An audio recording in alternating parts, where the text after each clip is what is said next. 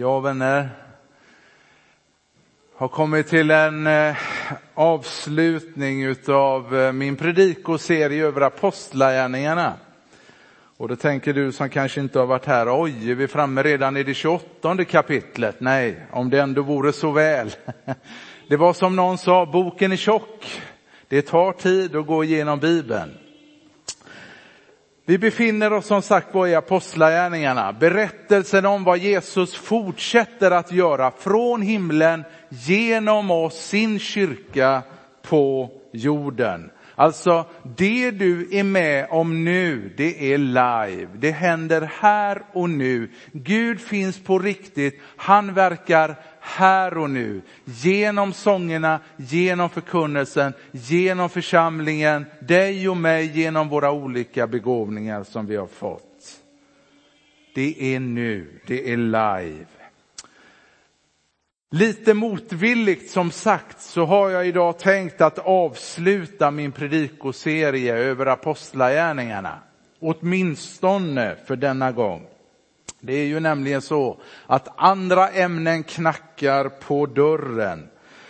Men jag väljer att avsluta min predikoserie med en bön som aldrig upphör. Jag har sagt det, den vackraste bön jag någonsin har hört, det är två ord. Mera Jesus. Och då undrar du kanske varför talar han på finska eller bryter på finlandssvenska? Jo, det var nämligen en finlandssvensk som bad den bönen. Mera Jesus. Och den gjorde någonting med mig och jag hoppas att den också ska göra någonting med dig. För den bönen gjorde någonting med den person vi idag ska titta närmare på. Apollos. Pingstföreståndaren Daniel Alm, han kanske skulle formulera sig som han har gjort med en hashtag. Mera Jesus till folket. Mera Jesus till folket.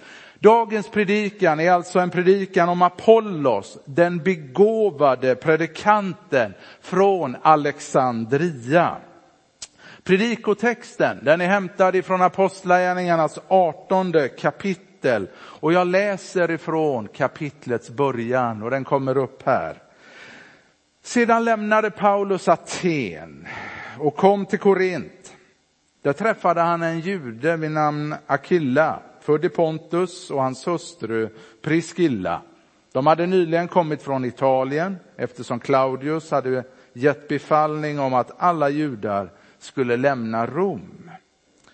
Till dessa båda kom nu Paulus och då han hade samma yrke som dem stannade han hos dem och arbetade. De var nämligen tältmakare.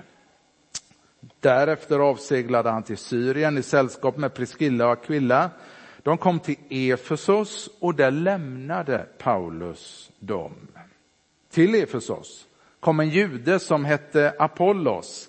Han var född i Alexandria, var en lärd man och mycket kunnig i skriften. Han hade fått undervisning om Herrens väg och talade brinnande i anden och undervisade noggrant om Jesus. Men han kände bara till Johannes dop. Han började också frimodigt predika i synagogan. Priskilla och Aquilla hörde honom. De tog sig an honom och förklarade grundligare Guds väg för honom.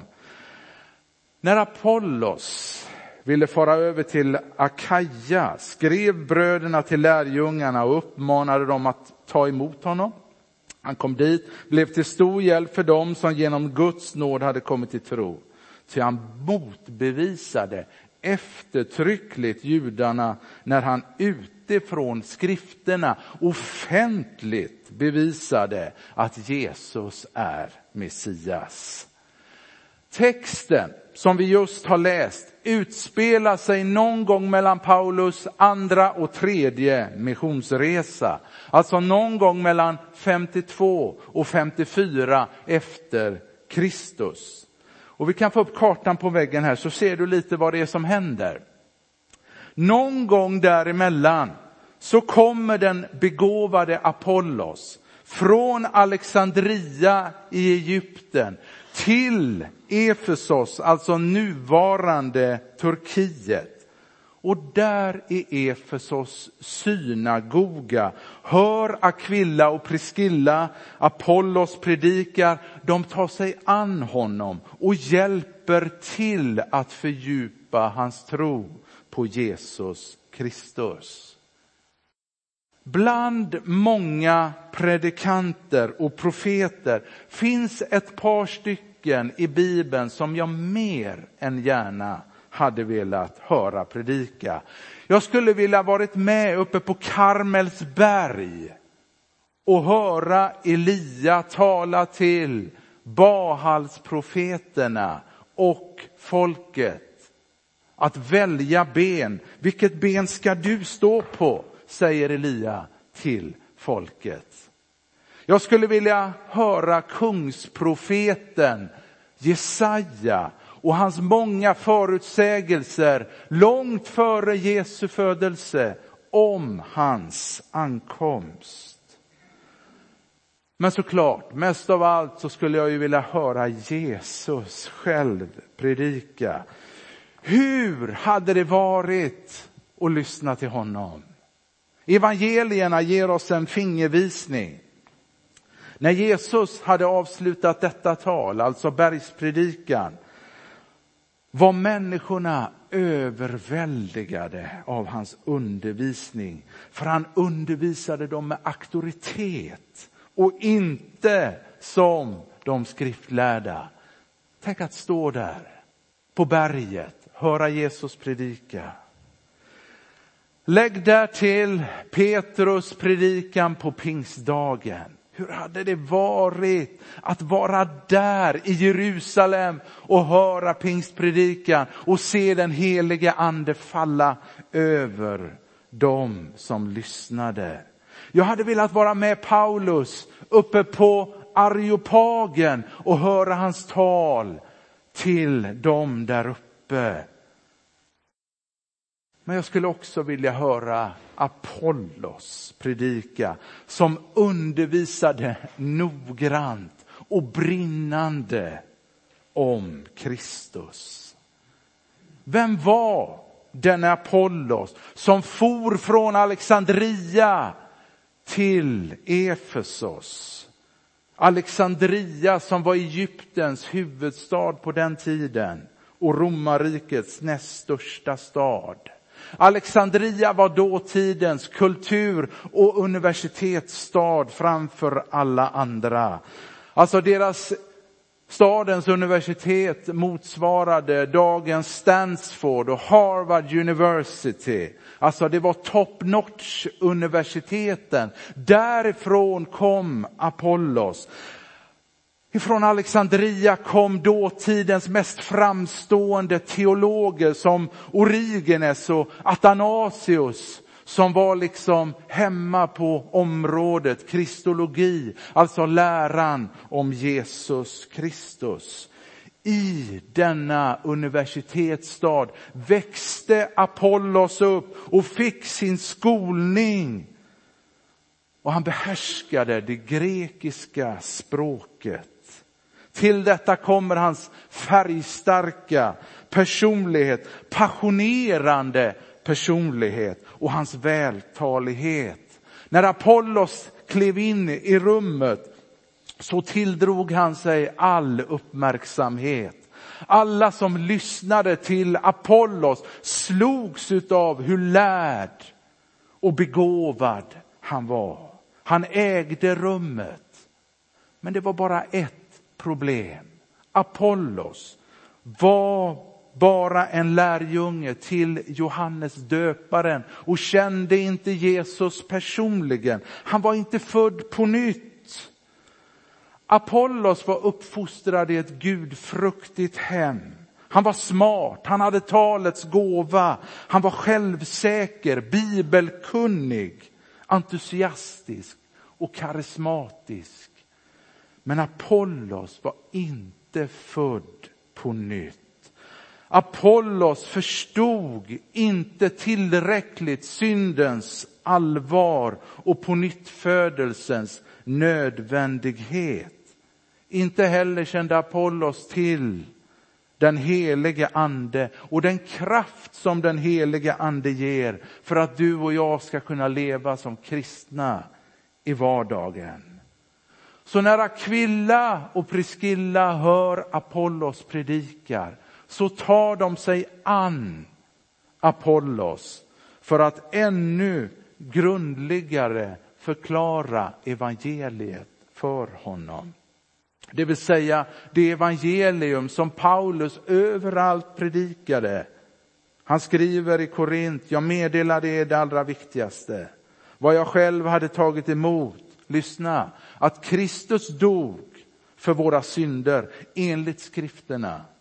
Att han blev begravd, att han uppstod på tredje dagen enligt skrifterna. Paulus skriver om det allra viktigaste som du och jag behöver känna till om det kristna evangeliet. Och jag upprepar, nämligen att Jesus dog för våra synder, att han begravdes och att han har uppstått för din och min rättfärdighets skull. För att genom tron på Jesus Kristus förklara dig och mig fri Halleluja.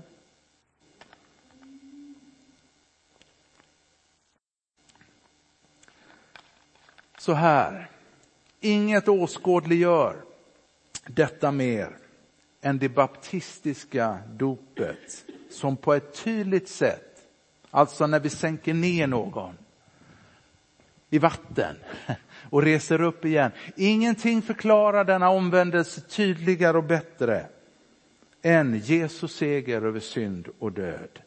Den kristna tron handlar om att vi som, frä, som fallna syndare bara kan räddas av Kristus som genom sin död och uppståndelse ger oss förutsättningar för ett nytt liv.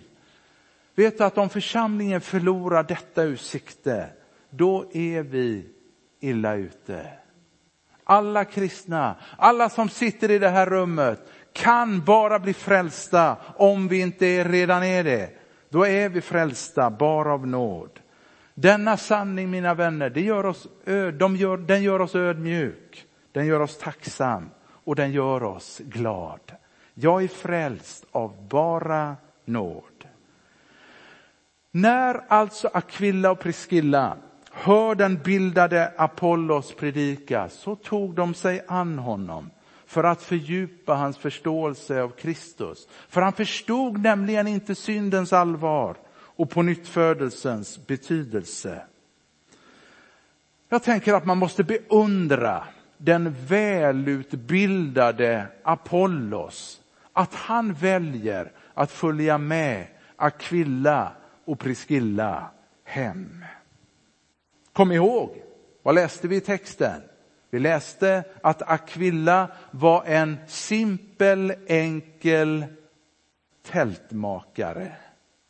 Det var inget statusyrke kan jag lova. Det var ett ganska, liksom, på rangordningen så låg det jobbet, yrket ganska långt ner. I Apollos ögon var Aquilla med all sannolikhet en okultiverad, outbildad man. En bondtulp ifrån ön Pontus. Så liten så att den knappt går att se på kartan. Jag vet inte om någon idag jag åker på charterresor till Pontos. Men på den tiden, och jämföra liksom Alexandria med Pontos Ja, det var ju en ganska enkel ekvation. Alexandria var ju ganska mycket mer än just Pontos. Trots detta så väljer alltså Apollos att tacka ja till inbjudan och följa med de båda hem. Väl där hemma sätter sig Apollos ner den skolade och välutbildade Apollos för att lyssna till den enkle tältmakarens undervisning om Jesus. Håll med om att det är en rörande scen. Jag älskar ödmjuka människor. Apollos var en sån människa. Han var välutbildad från Alexandria som satte sig ner för att lyssna på en enkel tältmakare.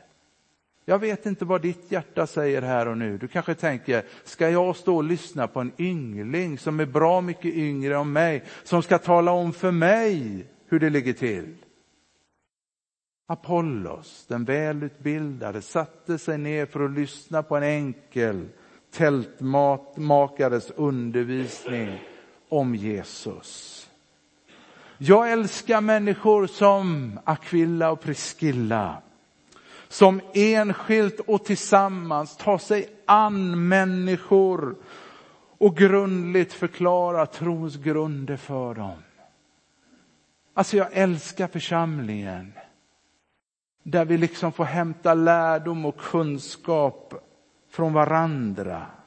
Jag tänker att här kan du som tycker att jag är till åren kommen, jag kanske inte orkar så mycket, mycket, men här kan du vara till stor hjälp för de unga i trons skola, så att de av dig får lära sig hur man förblir i tron. Också under livets olika växlingar.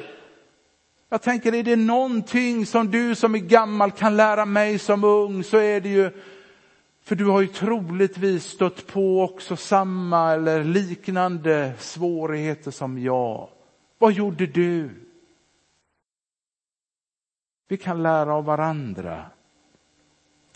Vet du att resultatet av Apollos träning lät inte vänta på sig. Efter att ha blivit grundligare undervisad i tron så läser vi att han genast ville ta trons gåva ut över världen. Han ville ta den vidare till andra. Och vi läser att överallt där han kom blev Apollos till stor hjälp. Tänk om fler predikanter, inklusive mig själv, predikade Jesus Kristus som Apollos. Tänk vad många som hade blivit hjälpta. Vi behöver mer Jesus till folket. Denne Apollos som hade blivit ännu grundligare insatt i evangeliet ville nu föra det ut över världen och med början i Korint. Vad vet jag? Kanske hade Aquilla och Priscilla i sina samtal med Apollos talat så gott om församlingen i Korint. Man kan ju undra, varför? Med tanke på alla problem som fanns i den församlingen. Men någonting måste de ju ha sagt som fick honom att känna, jag vill till församlingen i Korint. Väl där blir han presenterad för församlingen som föreslår att Apollos ska predika för dem. Kom ihåg att Apollos var som man skulle säga på Klädesholmen, en svår predikant. Du vet att första gången någon sa det till mig, du var svår. Så tänkte jag det var negativt. Jag tänkte, oj, här får jag gå hem och göra min läxa. Försöka liksom bli lite mer enkel tydligen. Nej, det betyder att du är duktig, det betyder att du är bra. Apollos var en svår, en duktig, en bra predikant Även om församlingen i Korint hade hört Paulus predika om Kristus, så var det som om när de hörde Apollos, så var det som någonting nytt. De hade aldrig hört något liknande förut. Wow! Kan man predika Kristus på det sättet? Kanske de sa. Man sa aldrig tidigare har vi hört någon predika evangeliet som han. Aldrig förr har vi hört någon så skicklig, så kunnig och så språkbegåvad predikant som han. Vet du att det faktiskt är så, det är de orden Bibeln använder för att beskriva Apollos. Och det oundvikliga inträffar. Efter att ha hört, Paul, efter att ha hört Apollos predika började församlingen att dela upp sig i grupper. Paulus, Apollos, Paulus, Apollos, Paulus, Apollos. Paulus han beskriver detta i första Korintierbrevet. Av den som hör till Klos familj har jag nämligen fått veta om er, mina bröder, att det förekommer stridigheter ibland er. Vad jag menar är att ni var och en på varsitt håll säger, jag håller mig till Paulus, eller jag håller mig till Apollos. Och så fortsätter han i tredje kapitlet, så länge det råder avund och strid bland er, är ni då inte kötsliga och lever som alla andra? Om en säger, jag håller mig till Paulus och en annan, jag håller mig till Apollos, är ni inte då som folk i allmänhet? Vad är Apollos? Vad är Paulus? Tjänare som förde er till tro och det med den uppgift som Herren har gett var och en. Jag planterade, Apollos vattnade, men Gud gav växten. Nog känns det igen, eller hur? Hur vanligt är det inte också i dagens församlingar att vi delar upp oss i olika grupper och läger? Det kan röra sig om allt ifrån musikstilar till, till predikostilar. Har du hört någon predika som Apollos förut? Nej, men glöm inte Paulus. Det var han som planterade församlingen. Och så började man strida om namn. Ja, men den är väl verkligen någonting att ha, inte han eller hon och musikstilar, predikostilar. Ja, men det ska vara mera fräckt och det ska vara mera peptalk. Nej, det ska vara mera bibel. Och så började man ställa gammalt emot nytt. Nog känns det igen.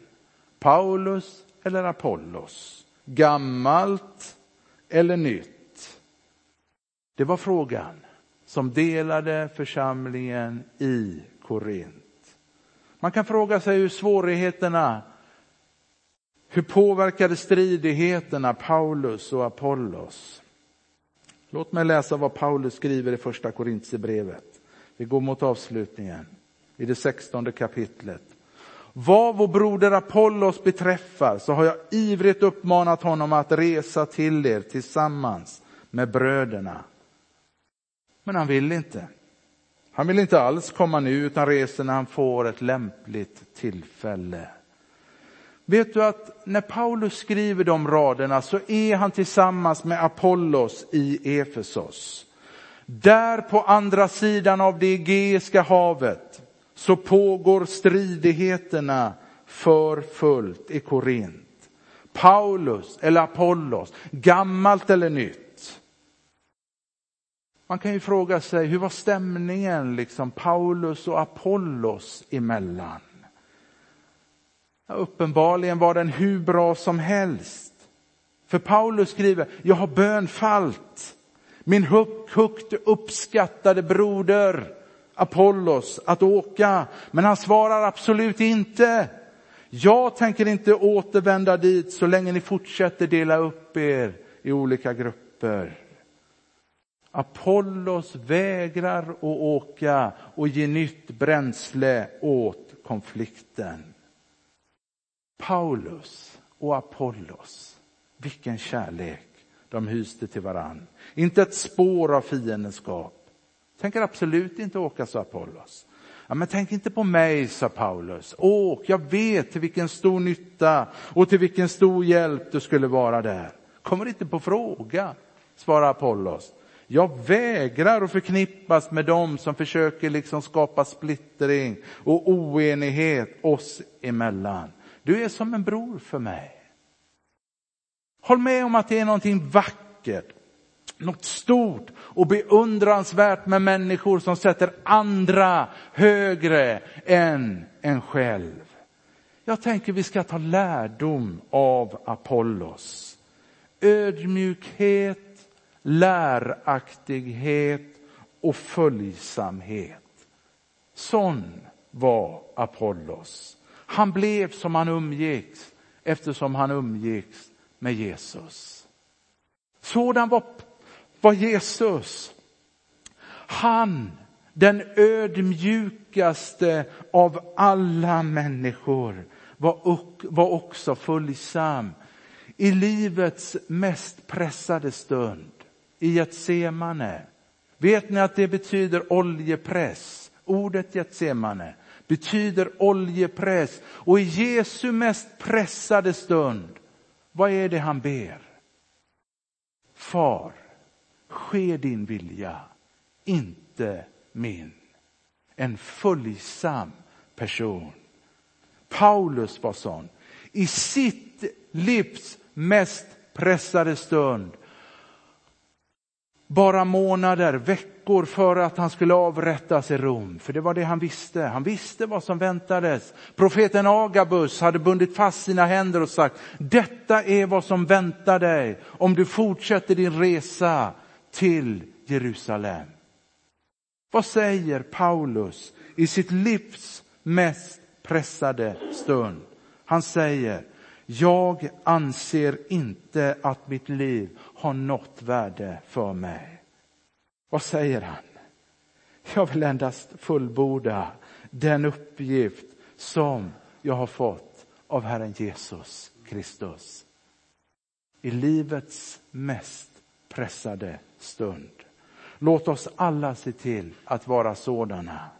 Ödmjuka, läraktiga och följsamma. Sådant är det nya liv som vi ikläder oss i dopet. Vet du att ibland brukar jag böja knä, nu får jag ju peka där, för ibland har dopgraven varit där. Ibland brukar jag böja knä inför dopgraven och påminna mig om den nya klädstil som jag iklätt mig. Ödmjukhet, följsamhet, läraktighet. Jag får påminna mig om vad det är jag har begravt om du tror att jag tar dessa ord ifrån bara luften, läs Kolosserbrevet 3, vers 12. Ödmjukhet, läraktighet, följsamhet. Och vi blir sådana ju mer vi lär känna och umgås med Jesus Kristus. Du vet efter mina år på bibelskolan 94, då var jag ganska kaxig. Då kom jag hem till min hemförsamling och trodde att jag kunde lära dem precis allting. Jag hade ju fått allting under ett helt år, facit. Det var ju bara att säga det.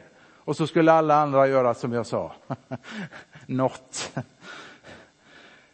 Jag glömmer aldrig den gången jag fick frågan om att predika och jag körde på. Jag vankade av och vann, jag var inte mig själv. Och så kommer några fram där, några upprörda människor och jag säger inte att de inte hade rätt, men kanske inte att de gjorde det på rätt sätt. De sågade mig längs fotknölarna, jag blev ju alldeles förtvivlad. Jag var ju ung och dum liksom. Och så på vägen ner när jag ska hämta min jacka för att gå hem så kommer en äldre dam fram till mig och säger Johan, idag var det bra. Idag var det bra. Och jag fattar inte, vad var det hon såg? Men jag kan säga, den äldre damen blev min räddning. Som fick mig att fortsätta älska Jesus. Och idag älskar jag Jesus mer än vad jag gjorde igår. Vet du att tungan är som en eld, skriver Jakob i Jakobs brev. Vet du att din tunga kan antingen göra människor tända på Jesus eller fullständigt avtända på Jesus. Tänk på vad du säger. Låt hellre rörelsen gå uppåt än neråt. Lyft snarare än sänk. Tänd snarare än avtänd. Aquilla och Priscilla tog sig an den unge besserwissern Apollos men de fick honom åtminstone till att bli mer tänd på Jesus än avtänd på Jesus. Min predikoserie över apostlagärningarna är över för den här gången, åtminstone för den här gången. Men ett tar aldrig slut, nämligen behovet av mera Jesus i ditt och mitt liv. Låt oss be. Jesus, hjälp oss idag att ta emot denna undervisning, Herre, som Bibeln ger oss. Jesus, Gör oss till dina ödmjuka efterföljare så att vi blir allt mer lika dig. Hjälp oss att leva i vårt dop. Och om vi inte är döpta, Herre, så ber jag att lydigt låta döpa sig av glädje, Herre. Herre, hjälp oss att ödmjuka oss varandra. Hjälp oss att visa varandra uppskattning, älska och vara rädda om varandra. Och Jesus, uppfyll oss mer, dag för dag, med den helige Ande. Och varför inte Jesus här och nu?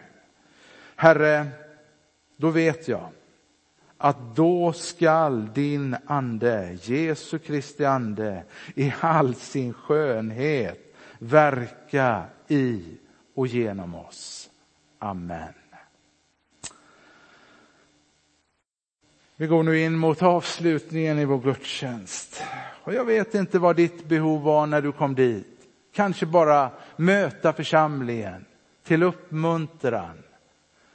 Eller kanske kom du hit med ett behov. Hur finns det möjligheten idag att få någon som lägger sin hand på dig. Liliana, Karl-Gunnar kommer att vara förebedjare. Vill du bara stå tyst inför Herren själv, tända ett ljus, så gör det. Eller om du vill skriva en bönelapp och lägga i korgen. Vik den om du inte vill att någon ska läsa den. Då är det bara pastorsteamet som kommer att läsa och be för den. Eller om du låter den vara öppen så tar vi med, när vi ber för korgen så finns den också med där när vi ber för det. Men kom till Jesus. Jesus är här och om Jesus är här, då är allting möjligt. Kom och ta emot. Varsågod Anders och Peter.